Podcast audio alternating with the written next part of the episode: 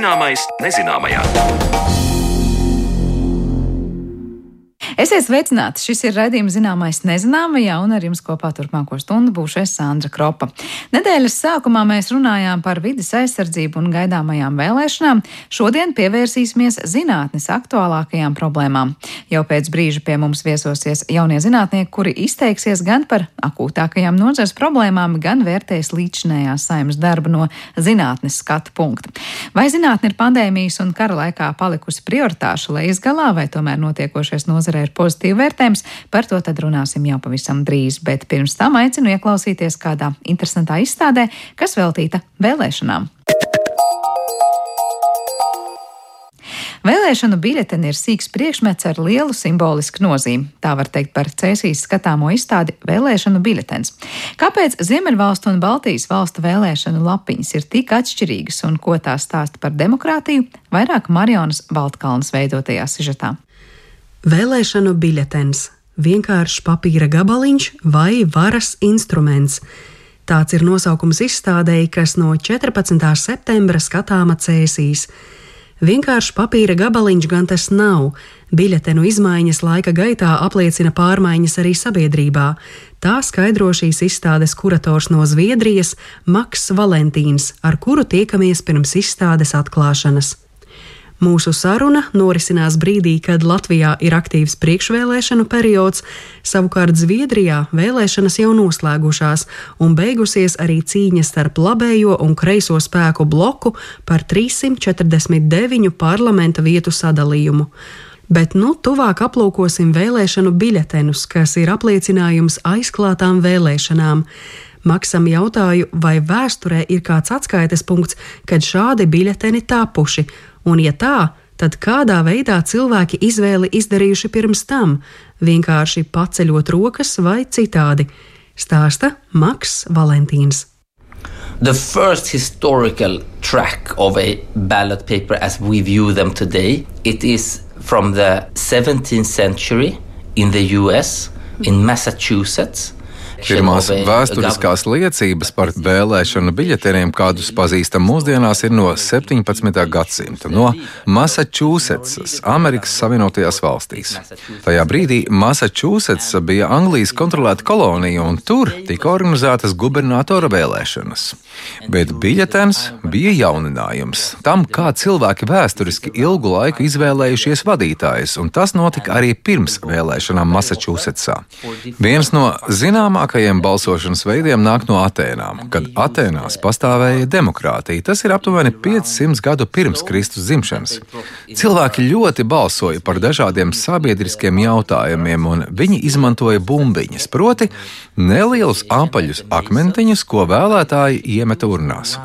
Šī pieeja ar akmentiņiem urnās dažās sabiedrībās joprojām ir saglabājusies. Piemēram, kā tradīcija tā tiek lietota masonu, jeb brīvmūrnieku sabiedrībā. Bet tā tiek izmantot arī vienā valstī - Gambijā, Rietumāfrikā. Manuprāt, Gambijā tas ir saglabāts, jo tā ir sistēma, kas ļoti labi strādā, ja sabiedrībā ir zema lasīt prasme. Uh, in West Africa. I think it's kept because it's a system that works very well when you have low literacy. The second big innovation to this is the secrecy of the vote. Vēl viens lielais jauninājums bija aizklātais balsojums, un to radīja jau senie romieši 137. gadā pirms Kristus dzimšanas. Aizklāts balsojums mums ir ļoti svarīgs, bet atēniešiem nekā tāda vēl nebija. Visticamāk, viņi iemeta akmentiņas urnās un ļoti atklāti paziņoja, par ko viņi balso. Tas līdzinās balsošanai paceļot roku, bet rokas pacelšana mūsdienās netiek uzskatīta par demokrātisku metodi, jo tā nav aizklāta. Taču tā arī ir metode, kas konstitucionāli tiek izmantota vēlēšanās dažos Šveices kantonos. Cilvēks stāv laukumā un paceļ rokas, bet tās novērojams tikai Šveicē, ne citās demokrātiskās sabiedrībās.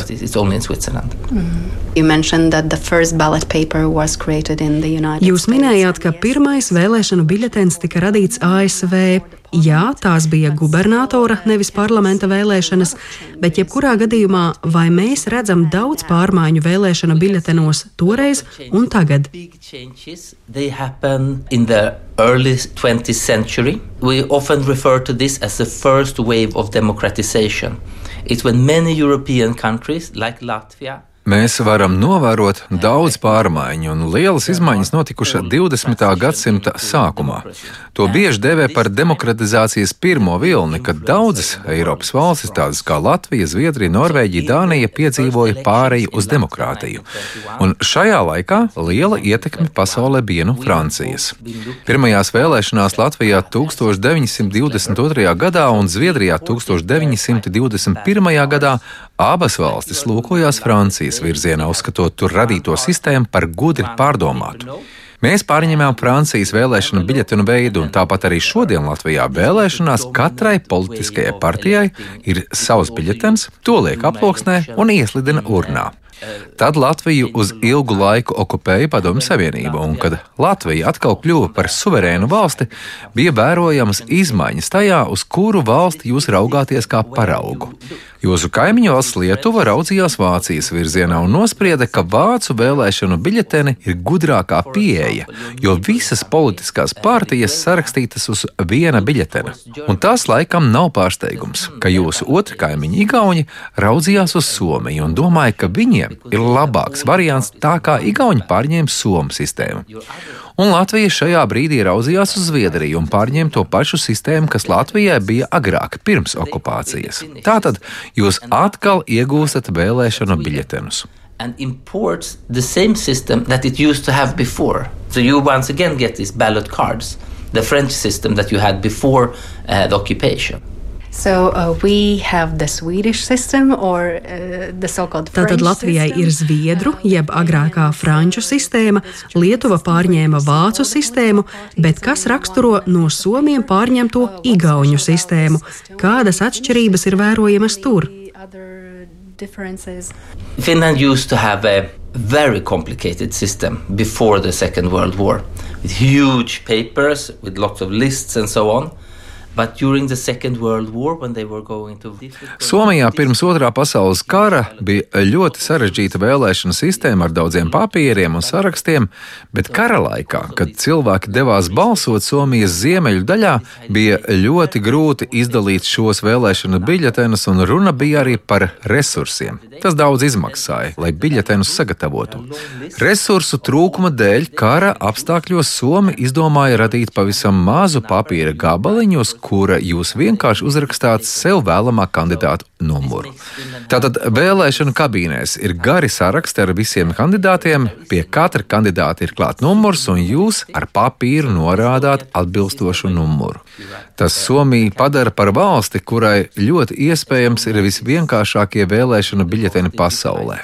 Biļeteni ir pilnīgi minimālisma stilā, un Igauni pārņēma šo sistēmu. Igaunija visticamāk ir arī viena no visdigitalizētākajām valstīm, ja runa ir par vēlēšanām.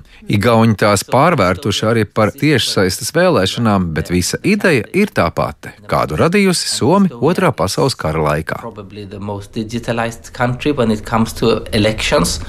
Uh, they have also brought it into uh, a sort of online voting way. But it's the same idea as the Finns uh, invented during the Second World War. Mm. Mentioned, uh, Vai šīs vizuālās atšķirības, kad vienā gadījumā jūs uz biļetena redzat visas politiskās partijas, bet citā gadījumā tikai vienu partiju, var kādā veidā ietekmēt vēlētāju izvēli?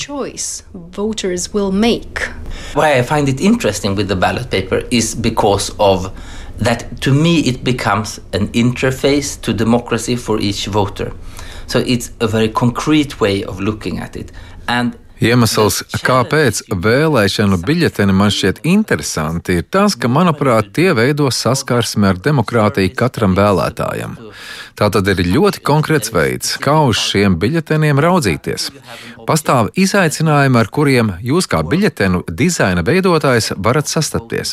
Parasti jūs radāt produktu vai pakalpojumu ar domu, ka tas sasniegs konkrētu mērķa grupu, bet pēkšņi jūsu rīcībā ir lieta, kurai vai simtprocentīgi jāiedarbojas uz visu to sabiedrības daļu, kura var balsot. Šeit aktuāls ir pieejamības problēmas, proti dažiem cilvēkiem var būt slikta redze, kādam var nebūt lasīt prasmes. Viens labs piemērs nāk no Bangladešas. Tā ir valsts ar ļoti augstu vēlētāju aktivitāti. Uz vēlēšanām dodas 80% sabiedrības, kas starptautiskā mērogā ir ļoti augsts rādītājs. Lasīt un rakstīt spēj 70% cilvēku, tātad atlikušie 10% vēlētāji to neprot, un tomēr viņi vienalga jūtas iekļauti demokrātijā. Tas tiek panākts ar to, ka uz vēlēšanu biļeteniem vispār nav teksta. Ir tikai simboli un zīmējumi, un ar to palīdzību jūs izvēlaties kandidātu. Dažādām valstīm attiecībā uz šo pieeju ir dažādas stratēģijas. Piemēram, Īrijā un Ziemeļāfrikā uz biļeteniem ir nodrukāti kandidātu portreti. Šī, protams, ir jau modernāka pieeja un ir nepieciešama laba tipogrāfija, lai biļetenus sagatavotu, bet, piemēram, ASV, kur notiek prezidenta vēlēšanas un ir divi kandidāti, ir derīgi uz biļeteniem attēlot sejas. But in the US, for example, where you have a presidential election and it's the two individuals that are important, maybe that makes sense to put the faces. Veidojot izstādi, Maks arī meklējas atbildi jautājumam, kura no šīm vēlēšanu sistēmām ir efektīvākā. Bet nav tāda pareizā vai nepareizā varianta. Valstī pašai ir jāizvēlas tas variants, kas tai strādā vislabāk. Taču vēlēšanu sistēma Vācijā, ko pārņēmusi arī Lietuva, izceļas ar ļoti lielu drošību. Tā kā uz viena vēlēšanu biļetena ir norādītas visas partijas, tad tā ir iespēja maksimāli saglabāt aizklātību. Vēlētāju nevar kontrolēt, un uz viņu nevar izdarīt nekādu spiedienu. Maksa kūrētā izstāde līdz šim jau izrādīta Vācijā un Zviedrijā, savu ceļu Latvijā tā uzsāk Cēsīs, kas pazīstama arī ar demokrātijas festivālu Lampa, bet nākamā gada pavasarī izstāde nonāks Lietuvā. Par to, ko tajā varam skatīt, turpina Maks Valentīns. We have collected ballot papers from mostly from countries around the Baltic Sea. Mēs esam apkopojuši vēlēšanu biļetenus galvenokārt no tām valstīm, kas atrodas pie Baltijas jūras, taču ir arī daži piemēri no citām pasaules vietām. Tomēr lielākā biļetenu kolekcija ir no Vācijas, Dānijas, Zviedrijas, Somijas, Lietuvas un, protams, Latvijas. Tā ir iespēja redzēt, kā mainījušās dizaina stratēģijas, kas ir un kas nav modē, un arī to, kā konstitūcija ir atspoguļota uz papīra, un tas arī ir ir izaicinājums. Līdz ar to jūs varat atrast ļoti labus un arī ārkārtīgi sliktus biļetenu paraugus. It is the worst that ever been produced. Why? Piemēram, ja jūs nāksiet uz izstādi, apskatiet Lietuvas biļetenu no 1998. gada, tas ir vissliktākais, kāds vien radīts. Perestroikas laikā Krievijā bija notikušas vēlēšanas, un tās ietekmēja arī vēlākos biļetenus Lietuvā. Tāpēc Seims nolēma, ka radīs paši savu biļetenu variantu. Dizaineriem bija tikai viena nedēļa laika, lai sagatavotu biļetenus, kuriem bija jāatbilst daudziem kritērijiem. Viss tika iespiests nelielā papīra gabaliņā, tā ka bija neiespējami kaut ko izlasīt. Turklāt biļetenos bija izmantots arī daudz krāsu. Es nedomāju, ka kāds no vēlētājiem spēja kaut ko pareizi izdarīt. Drīzāk viņi stāvēja un domāja, par ko es tagad patiesībā balsoju. Labi, ielikšu te vienkārši krustiņu. Kaut kas notiks, nezinu kas, bet lietuvieši paši pamanīja šīs nepilnības un pēc 2000. gada notikušas lieliskas vēlēšanas, kas joprojām tādas ir. Izstāde ir rezultāts vairāku gadu ilgam darbam, meklējot materiālus dažādu valstu arhīvos, jo vēlēšanu biļeteni parasti nav tie papīra gabaliņi, ko mēs pēc vēlēšanām saglabātu. Vairums biļetenu izstādē skatāmi no parlamentārām vēlēšanām, bet atrodami arī daži piemēri no referendumiem. Izstādes kurators skatītājiem sniedz kādu padomu. One thing I want to say is that you have an open mind for this because it might sound a little bit boring, like oh, old papers. Vēl viena lieta, ko es gribu ieteikt. Jums jābūt ar atvērtu prātu, kad nākat skatīties izstādi. Tas varētu izklausīties garlaicīgi, kaut kādi veci papīri, taču man ir pieredze, ka tad, kad cilvēki atnāk, viņi ir tik ļoti pārsteigti un reakcijas ir piemēram šādas: Ah, tas ir biļetens no maniem jaunības laikiem, vai arī viņi tā dara Francijā. Viena lieta, kas man šķita pārsteidzoša un kas arī bija iemesls, kāpēc es vēlējos veidot izstādi, bija tas, ka manis Zviedrijā aptaujātie cilvēki domāja, ka visās Eiropas Savienības valstīs biļeteni ir vienādi, tāpat kā eiro. Bet nē, katrai valstī ir savas tradīcijas.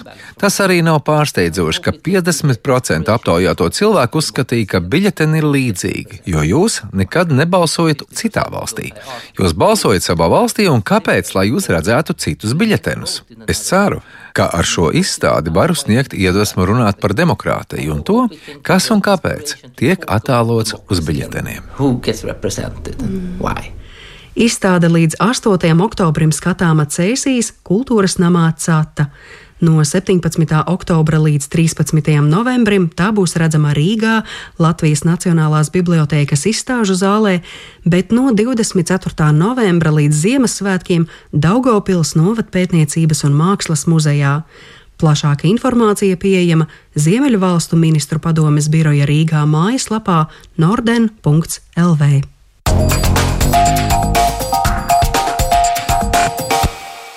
Dzirdējām Marijas Baltkalnes sagatavoto reportāžu no izstādes, kas veltīta vēlēšanu tradīcijām dažādās Eiropas valstīs, bet par to, ko šīs vēlēšanas varētu nest zinātnes nozarei, saruna pēc brīža.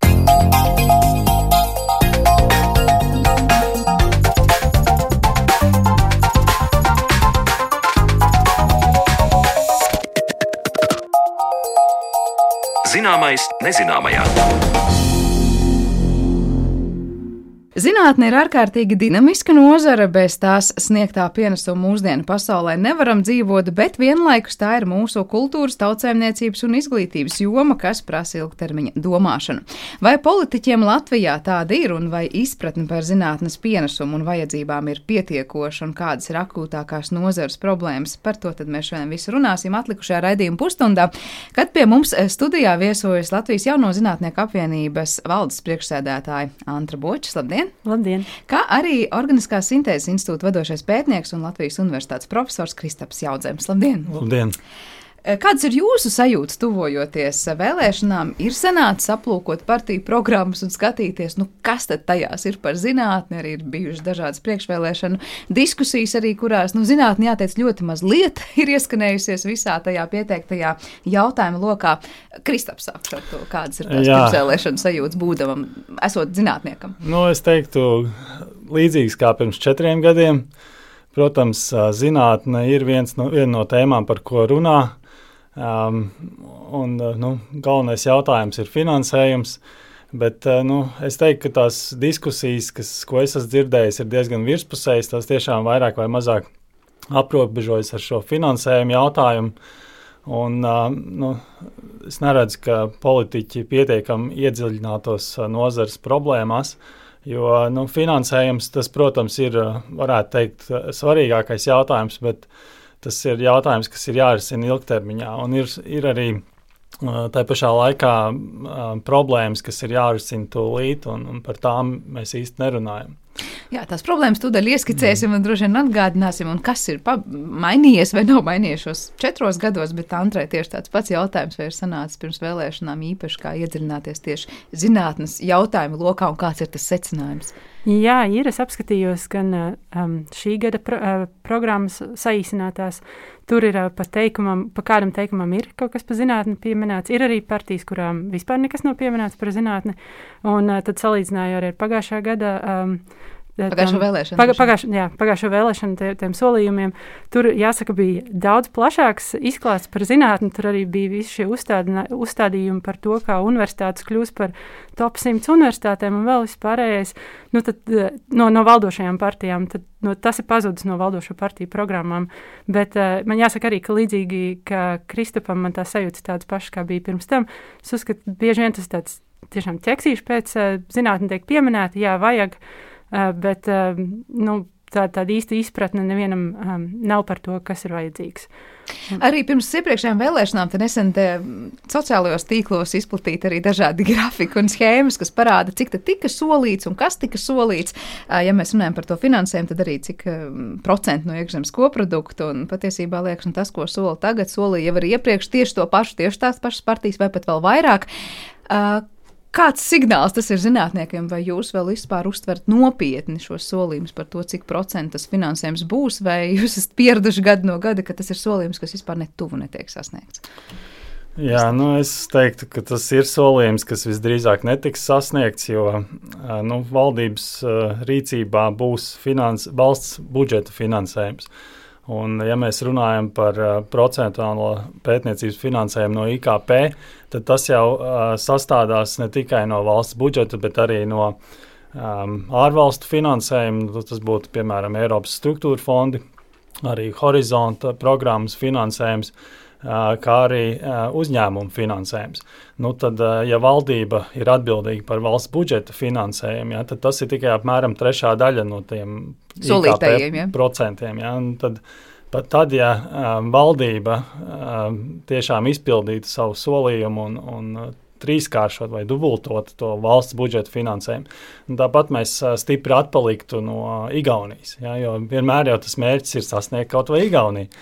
Jā, bet, nu, jā, diemžēl tas, tas nav um, tik viegli un īsā laikā paveicams. Kas ir tas, kas tajos četros gados ir mainījies? Vai šis finansējums tomēr ir audzis? Es saprotu, arī piesauktā apvāršana programma, nu, tomēr par to mēs gana daudz un skaļi vismaz tie, kas ar zinātni ir saistīti vai par to interesējas, esam dzirdējuši. Un, nu, vairāk aktīvi sev pieteikuši šajā četrgadus laikā. Vai tā ir daudz ko mainījusi un kas tur ir mainījies? Šogad piešķīra mazliet vairāk finansējumu zinātnē, arī valdība. Un, un savā ziņā, grib, nu, ja mēs varētu vismaz šādi turpināt, tas jau būtu labi. Nu, jā, mēs, es zinu, ka IZM visu laiku prezentē, cik labi mēs esam, cik daudz mēs naudas izceļam no Eiropas um, fina, finanšu um, grantiem, salīdzinājumā ar to, ko mēs investējam. Nu, tas, diemžēl, ir diezgan skumji, ka mēs investējam ļoti maz, izceļam vairāk, bet tā kvalitāte no tā, ko mēs izceļam, arī bieži vien nu, nav tā labākā. Tā teikt, cilvēka lec projektos jo tas ir vienīgais, kā viņi var izdzīvot. Un, um, lai arī mēs saņemam vairāk, kas ir ļoti labi, bet uh, nu, tas tev pievienotā vērtība bieži vien nav tā labā, augstākā. Jā, um, nu, par horizontu programmu runājot, es domāju, ka um, mēs um, parādām, ka mēs varam tiešām um, iegūt vairāk finansējumu uh, horizontu programmas konkursos. Um, un, uh, tas ir, es teiktu, pateicoties pirmām kārtām um, fundamentāli lietišķās pētījuma programmas um, finansējuma palielinājumam, jo, nu, lai startētu uz horizonta projektiem, ir nepieciešamas iestrādes, ko var nu, iegūt ar valsts budžeta programmu uh, projektiem. Uh, Tā kā, um, es teiktu, ka mēs tur lēnām arī attīstāmies un, un kļūstam konkurētspējīgāki. Tas ir attiecināms uz visām zinātņu nozarēm, vai te atkal mēs izcelsim konkrēts, es nezinu, dabas zinātnes un, teiksim, humanitārie paliek kaut kur ēnā, vai tā gluži nav. Un šī, piemēram, konkrētā programma ļauj vienādas iespējas kā, nu, izmantot gan humanitāriem, gan sociāliem. Jūs domājat, LZP fundamentāli? Vai? Latvijas Zinātņu padomus ir nefinansējums. Jā, fundamentāli līdzekļu pētījuma programma. Būtībā tur ir. Uh, tur var no katras jomas savā ziņā um, saņ, saņemt to finansējumu, jo tur arī sa, ied, sa, nu, humanitārajā zinātnē ir sava, uh, savs nodalījums, tā teikt, un viņi nesacenšas ar dabas zinātnēm. Um, Bet uh, mums, diemžēl, jāsaka, apvienībā nav tik daudz uh, humanitāro zinātņu pārstāvju. Un tā, tādā ziņā Miķels būtu ideāls šeit. Miķels Grīviņš. Jā, Miķels Grīviņš, jā. Uh, tāpēc uh, es esmu dzirdējis, ka ir cilvēki, kas sūdzās, ka humanitārajā zinātnēs ir mazliet grūtāk un neiet tik uh, labi kā dabas zinātnēs ar, ar apvāršņu projektiem tieši un, un finansējumu piesaisti. Bet attiecībā uz to konkurenci par uh, Latvijas Zinātņu padomus šiem finansējumiem, uh, tās ir tātad nepamatotas runas, sakot, ka tur ir jākonkurē gan arī vai. Mm, jā, nu, humanitāriem ar dabas pētnieku vai dabas zinātņu pētnieku. Un, un, un, un tajā brīdī tā konkurence ir diezgan nevien, nevienāda vai ne, nevienlīdzīga. Jā, tās nav īsti pamatotas runas, jo uh, šajā programmā ir tā teikt, tāds vienādi, vienāda finansējuma gross visām nozarēm. kas uh, sastāv 70% no kopējā finansējuma. Ja, tātad 70% tiek sadalīti, varētu teikt, vienādi visām nozarēm, un tad 30% tiek sadalīti uh, jau proporcionāli tam, uh, cik ir pieteiktie projekti katrā nozarē. Tā kā es teiktu, ka ka nē, tas, tas nebūtu pamatot. Jā. Vienīgais, varbūt jā. tas nozars, nozars sadalījums var iespējams nāk par labu mazliet dabas zinātnē, varbūt tādā ziņā. Bet, Jā, tas tad varbūt cits jautājums. Uh, tajā skatoties, ko nu vēl nu, tās ļoti, ļoti dažās lietas, ko partijas tomēr nu, runā par zinātni, izņemot to, kā palielināt līdz konkrētam procentam IKP, kas, kā saka, no vēlēšanām uz vēlēšanām arī nemainās. Protams, tieši tāda pati frāze, kas jau ir kā, kā klišejiski, pat liekas uzņēmējdarbības sadarbība un, un privātā sektora un, un, un publiskā sektora sadarbība. Kā jums liekas, kas ir tie bremzējošie faktori, vai atkal izdosies tiešām kaut kā vēl vairāk piesaistīt to sadarbību starp zinātniekiem un uzņēmējiem? Kas tur pietrūkst, Kristofers? Um, es teiktu, ka pirmais, kas, kas pietrūkst, ir pārāk maz zinātnieku, kas strādā uzņēmumos. Un, uh, nu, vispārīgi, ja mēs skatāmies Latvijā, zinātnieku ir mazāk uh, uz kopējo nodarbināto skaita. Uh, Uh, salīdzinot ar to pašu Igauniju, Igaunijā būs apmēram divreiz vairāk, savukārt Skandināvijā būs četrreiz vairāk. Ja? Un, uh, tiešām mums tas ir ļoti izteikti, ka uh, nu, ļoti nu, nomācošais vairākums zinātnieku strādā akadēmiskajās vai zinātniskajās institūcijās, bet uzņēmumos ļoti maz.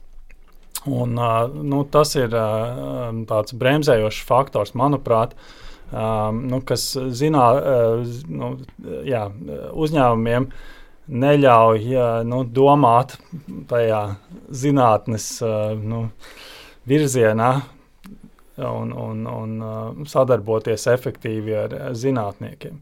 Jo nu, tad, ja ir šī izpratne un vēlme no uzņēmumiem kaut ko darīt kopā ar zinātniekiem, tad es neredzu nu, īsti problēmas, kas to bremzētu. Uh, Jo nu, manā nozarē, kas ir ķīmija, farmācija, nu, tur es teiktu, ka katrs uzņēmums, kas kaut ko vēlās darīt kopā ar uzņēmumiem, to dara. Bet tas pirmais solis ir jāspēr uzņēmumiem, kam ir jāpanāk pretī un jāpasaka, mēs gribam zinātniekus, mums viņus vajag, un tā ir tā domāšana uzņēmuma pusē, vai cits ir klupšanas akmens? Jā, tā ir noteikti uzņēmuma pusē. Uzņēmumiem ir nu, jādomā par saviem jaunajiem produktiem un, un ir jāvirza tie, to attīstīšanu.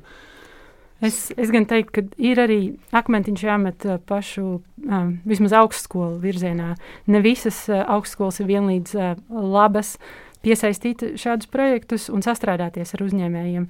Jo tur arī, kā kura augstskola, uh, ir um, ar teikt, savas administratīvās, birokrātiskās lietas uh, um, izveidojusi, un citiem tas iet smagnējāk, un citiem tas iet uh, uh, ātrāk, nu, vieglāk.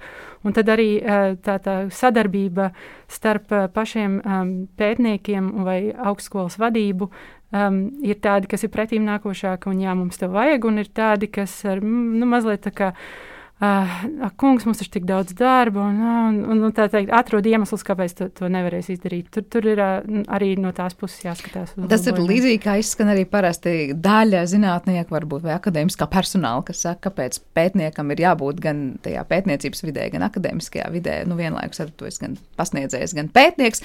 Ir savienojums, nav savienojums. Dažādu zinātņu nozaru cilvēki ir teikuši arī mums šeit raidījumos ļoti atšķirīgus tos viedokļus. Viens saka, tad vai nu dažus gadus es varu tikai pētīt, un tad tikai pasniegt kaut ko.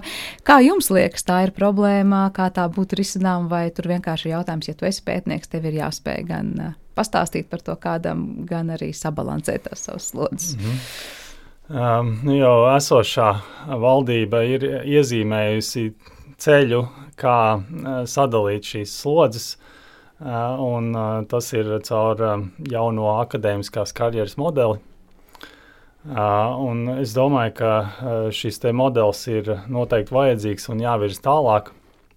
Um, ir, tur ir vairāk, vairākas uh, detaļas, varbūt, kas uh, būs uh, labvēlīgas salīdzinājumā ar esošo situāciju. Nu, um, pirmkārt, jau um, tas dos tādu uh, skaidrību un uh, prognozējumību uh, zinātniekiem gan par prasībām no viņiem, gan arī par atalgojumu, ko viņi var saņemt. Tad, tad būs tāda stabilitāte viņa atalgojumā.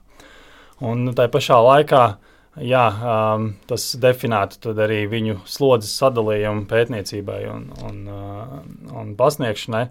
Uh, es neteiktu, ka pilnīgi visiem ir nepieciešams pasniegt, bet uh, nu, tiem, kas, uh, kas to vēlas uh, un, un kam ir uh, spējas, tie, tiem noteikti vajadzētu. Jā, jo es, es teiktu tā, ka mums tiešām viena no tādām akūtākajām un aktuālākajām problēmām ir jauno zinātnieku ataudze. Un, nu, tas ir jānodrošina universitātēm. Un, jā, es teiktu, ka no augstskolas puses, man liekas, bieži vien, es, piemēram, spriežu no savas augstskolas universitātes, mums tur trūkst tāda uh, um, savstarpēja komunikācija. Es personīgi pēc diviem, trim gadiem tur vēl joprojām nezinu, ko mani kolēģi dara manā pašā. Bet kāpēc fakultātē. tas tā notiek? Liekas, nu, kur ir problēma pašiem arī ņemt un komunicēt? Tas ir nu, būtībā tas no, no pieredzes, kas man bijusi citās universitātēs, ir tas, ka tiek veidoti vai no fakultātes semināri, universitāšu semināri, nu, vismaz tu aizēji un, un paklausies, ko tavi kolēģi dara. Un, piemēram, tādas vienkāršas lietas nu, manā universitātē nav un ļoti, ļoti trūkst. Un, un, uh, ir kā kur un, ir universitātes, kas labāk ar to tiek galā un, un kas sliktāk. Un, tad, protams, komunikācijā ar, ar industriju būtu ļoti labi, ja būtu cilvēks, pie kā viņi var vērsties un teikt, mums vajag palīdzību šādā ziņā. Nu, tas cilvēks tad atrod to. to uh, nu, atrod to cilvēku universitātē vai augstskolā, kurš tad varētu to darīt. Bet, ja nav tā komunikācija, ja paši cilvēki universitātē nezina, ko kolēģi nodarbojas, nu, tad, tad tā būs grūti kādu atrast. Jā, par šo problēmu arī ir dzirdēts gadiem, un liekas, nu jā, nu tad kaut kā, nezinu, viens otru iepazīstot un vairāk runāt pie kafijas, tas, kurš ar ko strādā un pie kā strādā, laikam jau varētu arī kaut kādu solīt panākt pretim, bet, protams, ka ir vajadzīgi kaut kādi lielāki ietveri, kuros tā sadarbība tiek veicināta. Es vēl gribēju pavaicāt par vienu frāzi, kas ir izskanējusi arī priekšvēlēšana debatēs, proti, nu, sašutumu pat izraisīja klātesošo frāzi, ka Latvijā jau ir maz to zinātnieku un tā tālāk un tā joprojām. Pašai man ir nācies dzirdēt no zinātniekiem, ka tad, kad ir jāstartē lielos projektos, tur Eiropas kosmosa aģentūras kādu uzsaukumu vai arī tajā pašā cernā, tad eh, patiesībā jau to zinātnieku, kas var nu, paņemt tā tās vietas, ir ļoti, ļoti maz Latvijā. Kā īsti ir? Mēs varam teikt, ka mums ir daudz zinātnieku, bet maz to, kas var tiešām pretendēt uz kaut kādiem nu, ļoti labiem projektiem Eiropas līmenī un pasaules līmenī. Vai nepiekritīsiet? Eh, nu, labi, Kristaps pārstāv jomu, par kuru mēs parasti dzirdam tos komplimentus, ka mums ir daudz un, un pasaules līmeņa. Jā, nu tā droši vien ir, ka dažādās nozarēs tā situācija ir atšķirīga. Um, bet kopumā es jau minēju, ja, ka mums, ja mēs rēķinām pret kopējo nodarbināto skaitu, tad mums zinātnieku ir maz. Un, uh, tas ir uh, varbūt viens no iemesliem, kāpēc atsevišķās nozarēs atkal mums ir nav tā kritiskā masa, lai mēs varētu realizēt liels projekts. Ja, bet nu, tas neatiecas droši vien uz ķīmiju un, un farmāciju. Ja. Bet, tā, tā, tas ir. Jā. Tad patiesībā pietrūkst to zinātnieku skaita, kas varētu arī teikt, uz kritisko masu paņemt to jā. problēmu un risināt tālāk. Nu, jā. Ja ar, um, mēs ar šit, par šo esam arī runājuši apvienībā, un it īpaši zinātnieki, kuri atgriežas no ārzemēm, uh, ir salīdzinoši grūti uh, pat ja viņam ir daudz ideju, uzsākt savu darbību, jo mums trūkst šie kā, starta granti. Mums ir vismaz tas postdoc grants, kas jau kaut, ir kaut, kaut kas, bet uh, daudzās universitātēs uh, pasaulē, ja, ja cilvēks tiek pieņemts darbā uz, uz, uz tādu augstāku amatu, tad būtībā viņam tiek iedot tāda tā starta nauda, ej un pēti, izveido šīs iestrādes, par ko arī Kristaps jau runāja. Un, um, ar šīm iestrādēm tu tālāk vari startēt uz šiem lielajiem um, um, projektiem. Un tā kā to nav, tad cilvēki atgriežas un, un mēģina tad, kā, savākt naudu, uh, lai vispār uzsāktu šo darbību un lai varētu pēc tam pretendēt uz šiem lielajiem grantiem. Un tā, tā ir viena problēma, kas mums arī ir, kad nav tās iestrādes, lai tālāk iet uz tiem lielajiem projektiem. Kristaps minēja to, ka ir maz zinātnieku arī tīri skaitliski tas ir droši vien procentuāli skatoties, nezinu, kā citās līdzīgās sabiedrībās, kur tas iedzīvotājs kauts skaits nav tik liels, uh, ir atrisināt šī problēma, bet varētu domāt, nu Latvijā mēs vienalga esam maz un jautājums, cik daudz un cik lielam jābūt tam procentam, kas būs zinātnē. Pēdējā laikā arvien aktuālāk liekas, ka dzirdam apkārt, kā cilvēki tiek aicināti jau skolā, tur domāt, ka cilvēkiem ir jāmācās un jā, jāiemīl varbūt dabas zinātnes un daudz kas cits. Bet prātā nāk tas, ka nu vienmēr būs cilvēks, lai kādus to apstākļus radītu, kurš vienkārši pateiks, mans raksturs vai manas vienkārši vienkārši vēlmes nav tādas, lai ietu mm. zinātnē. Ja? Kā jūs skatāties, nu, cik liela ir tā vēl sabiedrības daļa, vai ja tas ir par skolēniem runājot, vai studentiem, kuri būtu nu, pavirzāmi tā zinātnes virzienā, un var teikt, tas procents ir maz tāpēc, ka nav prestiža, vai nav sajūta, ka tu tur pelnīsi, vai nav vienkārši izpratnes, ko tu tur darīsi. Vai mēs nevaram sagaidīt no tik mazas sabiedrības kā Latvijas, lai mums tagad būtu nu, nezinu, 50% sabiedrības, kas teiks, studenti, es gribu būt zinātnieks? Mm -hmm. Ne, mums ir diezgan uh, interesanta statistika par, uh, par uh, studentiem un uh, par zinātniekiem. Tātad, ja mēs paskatāmies uh, studentu vai patiesībā augstāko izglītību uh, skaitu, jeb procentu no kopējās populācijas, tad tas mums ir ļoti augsts. Bet, uh, doktora grādu iegūšo, jeb jauno zinātnieku skaits vai procentuālais tas, uh, daļa. Ta, uh, tas mums ir savukārt uh, zems. Tas nozīmē, ka um, nu, diezgan daudzi cilvēki iegūst augstāku izglītību, bet neaiziet līdz zinātnē, nu, līdz doktorantūrai. Un, un tas ir tiešām tāds liels klupšanas akmens. Bet, ja mēs skatāmies uz kopējo populāciju, tad es, tas, ko es minēju par tiem procentiem pret nodarbināto skaitu, tad Latvijā apmēram 0,2% pret nodarbināto skaitu ir nodarbināti zinātnē. Ja. Eh, kamēr uh, Igaunijā tie ir 0,4 un Skandināvijā jau tur tuvojas 1%. Ja? Nu, Tātad 1% no visiem nodarbinātiem, nu, tas kā neliekas daudz, katrs simtais, uh, lai būtu zinātnieks. Nu, ja mēs paņemam vienu skolas klasi, Nu, gan jau tur tajās 30 skolnieku, starp viņiem ir jā, viens, 30, viens, jā. Jā, nu, viens varētu būt tas, kurš aiziet uz zinātni. Un ar to pietikt. Ja mēs teiktu, tā būtu tā labā statistika. Jā. Mēs nesagaidām, ka 20 no 30 taisītos par zinātniekiem. Jā, jā. Te es skatos, ka iepriekšējās vēlēšanas, kad tuvojās, tad tika uzdot dažādi jautājumi partijām, un viens no tiem bija par to, vai būtu nepieciešams noteikt vienu prioritāru zinātnes virzienu, kurā fokusētu novirzīt finansējumu. Tolaik daudzas partijas, praktiski visas pateica, nē, nē, nē, nē, kā jums liekas, kā šobrīd vai uzvirmo un ir aktuāli runāt par to, kas ir tas prioritārais virziens, kurā te tā kā prioritāri tiks attīstītas lietas Latvijā?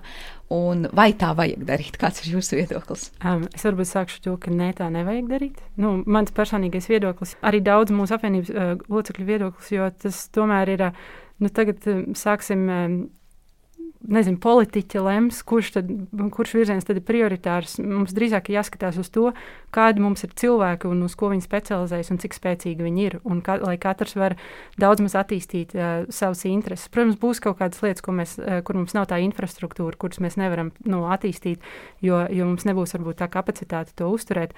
Bet, uh, bet mēģināt kā, prioritātes no, no, uh, no, politiķi, uh, no politiķiem kaut kādiem ekspertiem, tā teikt, nu, tas man tā liekas, nav. Nu, par to runā jau desmitiem gadu, un tā arī tas nav izdevies, jo, jo tas man, manā uzturē tas nav pat iespējams. Jo daudziem atkal liekas, un te ir tā vēlme visiem iedot pa druskiem, beigās nesanāk nevienam pietiekoši, un tad ir tas jautājums, vai Latvijā, ja kāds pateiks, es gribu būt astronauts, tagad lūdzu sagatavojiet mani, nu, protams, ka Latvija nesagatavos vienu astronautu, jā, tad brauciet kaut kur un to darat. Kā Kristupam ir tas redzējums, nu, kā risināt to?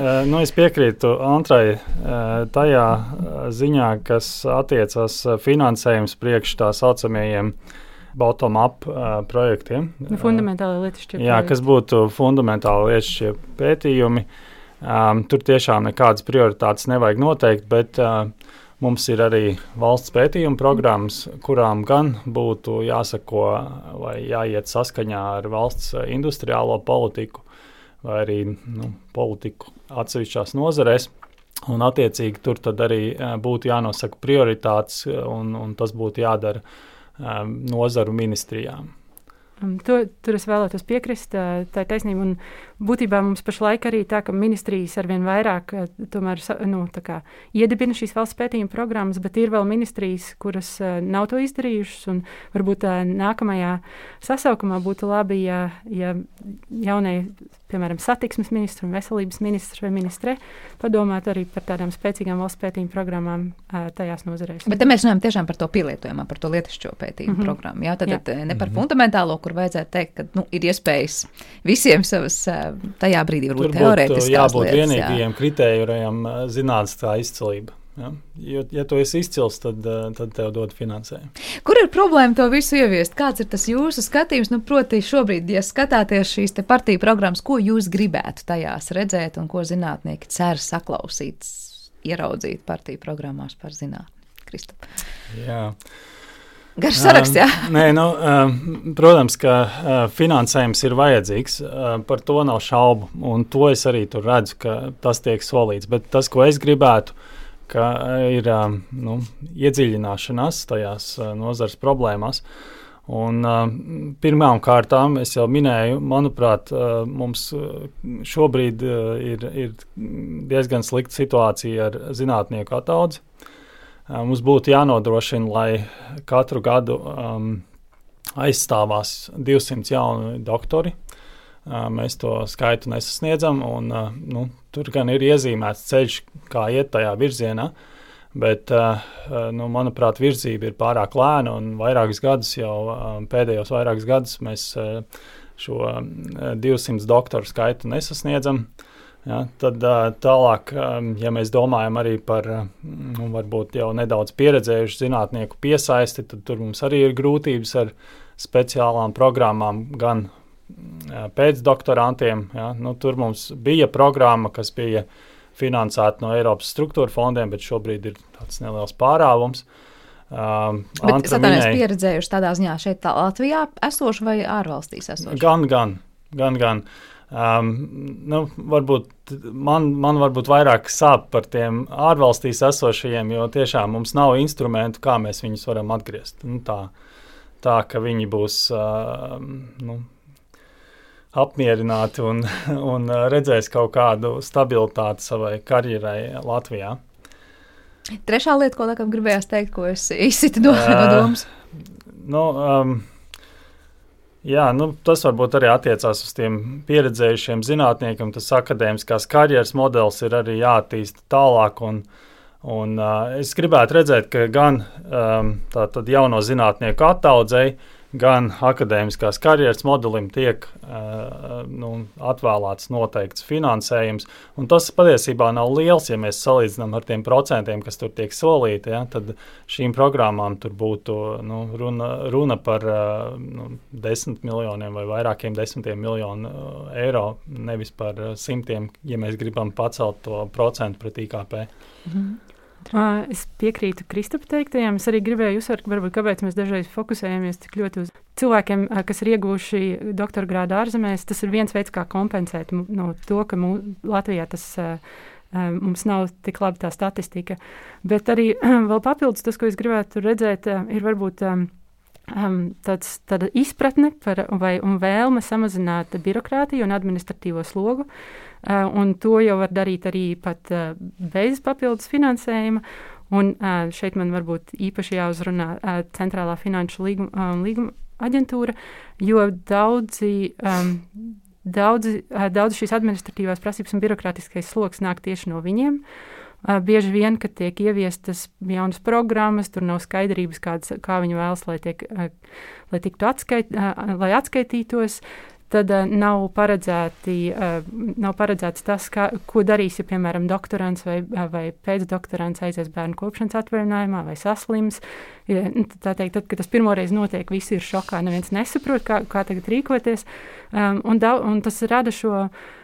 Cik saprotu arī no cilvēkiem, kas um, universitātēs ar, ar viņiem, sa, ar, ar CFLA uh, darbojās, ir grūti teikt, atnākt rīkojums jādara tā, bet tad eh, nu, nav neviens cilvēks, eh, kam var piezvanīt un paprasīt, ko tieši tur vajag. Un ir daudz šādas problēmas, un tas nāk būtībā bieži vien no tā, ka ir um, cilvēki ministrijās bez konsultēšanās ar pašiem zinātniekiem, vienkārši izdomā noteikumus.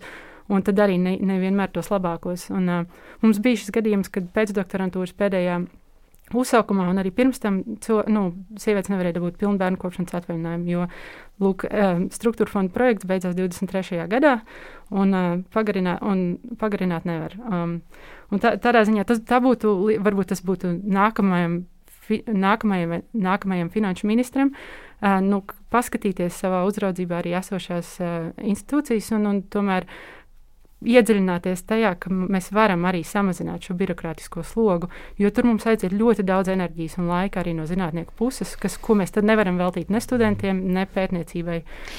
Jā, liekas, daudz tādas lietas, kas nav sadzirdētas arī politiķu pusē. Un noslēdzošais jautājums, es saprotu, no arī no jauno zinātnieku apvienības, ik pa laikam mēs redzam, kā notiek kaut kāda tikšanās, runāšana ar politikas arī pārstāvjiem. Vai jūs, prāt, šī komunikācija arī ir pārāk, es nezinu, fragmentāra un pārāk maza, vai kur ir tā problēma? Nu, kāpēc, liekas, mēs gadu no gada no vienas puses runājam par to, ka jā, ja mēs gribam tur attīstīt un bagātu valsti, mēs nevaram nelikt zinātnē, tajā pašā laikā gadu no gada vai vai precīzāk jāsaka, no viena vēlēšanām līdz nākamām vēlēšanām mums ir viens un tās pašas uh, solījumi un atkal neizpildītās lietas, labi, varbūt pārspīlējuši lielās līnijās, sakot, kaut kas mainās, bet tomēr jūs sakāt, ka atkal ir sajūta, ka tā kā ķeksīšu pēc pieliksim procentu un mūs liks mierā, un mēs būsim zinātnē iedevuši naudu. Antra sākšu ar jums, un tad. Um... Jā, mums. Uh, uh, Es, domāju, es varētu teikt, ka, ka ar izglītības un zinātnes ministriju mums ir salīdzinoši laba sadarbība. Mēs, ja mums ir jautājumi, mēs zinām, kam viņus jautāt, un, un, un, un tas, tas ir izveidojies. Bet tad ar politiķiem, nu jā, diezgan fragmentāri, un tad bieži vien mums atnāk uzaicinājumi uz saimnes darba grupām, un tad ir tāds mazliet no gaisa nokrīt. Un šor, šoreiz, tā teikt, parīt mēs skatāmies šo jautājumu, un, un, tad mums ir jā, nu, jādomā, kurš tad tagad tiks un kaut ko pateiks. Un, um, tādā ziņā es, man, jā, man savā ziņā interesētu, kurš tas, kas tur, piemēram, izstrādā grozījumus, iz, uh, nu, um, gan augstākās izglītības likumam, gan zinātniskās darbības likumiem. Jo bieži vien tas, ja, ja no mums prasa komentāru, tad ļoti ātri, tā teikt, tuvāko trīs dienu laikā. Un to ņem vērā? Uh, jāņem uh, vismaz uh, ministrija. Nu, gan, gan nu, ir tādi, kuras nav ņēmuši vērā, un uh, ir tādas, kuras uh, es uzskatu, ka ņem vērā. Um, un, un, nu, jā, bet, bet vienkārši tas komunikācijas veids ir tāds aptuveni, nu, tad rītā pasaki, ko tu nu, izlasi šos visus grozījumus un pasaki, ko domā. Ko tad jums īsti vajag? Jā, jā, jā un tas, tas ir mazliet nu, grūti izdarāms. Un es zinu, ka arī pēdējā, um, uh, vienā no pēdējām saimnes uh, darba grupas sēdēm um, par izglītību un, um, un zinātni tieši bija arī no diasporu organizācijām uh, uh, kritika par to, ka uh, tas bija tāds no nekurienes dienu iepriekš, rekur ir rītdien apspriežamie uh, grozījumi, ko nu, nu tad piedalieties. Un, nu, ne, un mēs jau visi arī esam cita, nu, savos darbos, un mēs nevaram tā vienkārši pieslēgties, tad, kad, uh, tad, kad kādam citam ienāk uh, prātā. Mm -hmm. Noslēdzošais komentārs no -hmm. Kristapa puses.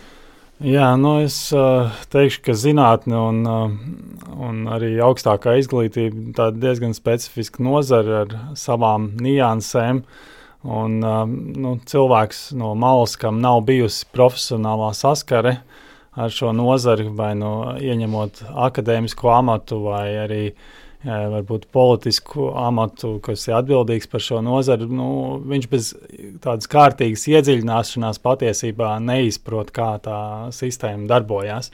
Un uh, tad politiķiem tā arī ir, ka ir, es teiktu, nu, nezinu, pieci, varbūt desmit saimnes deputāti, kas tiešām ir iedziļinājušies un izprot tās nozares problēmas un kā varbūt tās risināt, un ar tiem tad arī tās sarunas notiek, bet nu, ir otra, otra lielā puse, kuri diemžēl nu, nav iedziļinājušies un arī um, īpaši ne, necenšas um, par to diskutēt ar, ar nozares pārstāvjiem. Bet viņi ir tie, kas arī pieņem lēmumus. Viņi ir tie, kas pieņem lēmumus. Es teiktu, ka nav visiem jāiedziļinās, bet, tad, nu, ja, ja tu neiedziļinies un tu paklausies tajos, kas tajā visā dzīvo, nu, nu, es, nav, visiem nav jābūt ekspertiem par visu, bet Jā, nu, tad nu, ieklausies. Antra, tu minēji uh, saimnes komisijas sēdes, un man brīžiem tur ir. Uh, nu, mati ceļš stāvs, kad es dzirdu, ka kāds stāsta, kā viņam ar viņa meitu vai ar viņa radinieku ir gājis, kā viņš ir dzirdējis kādu stāstu.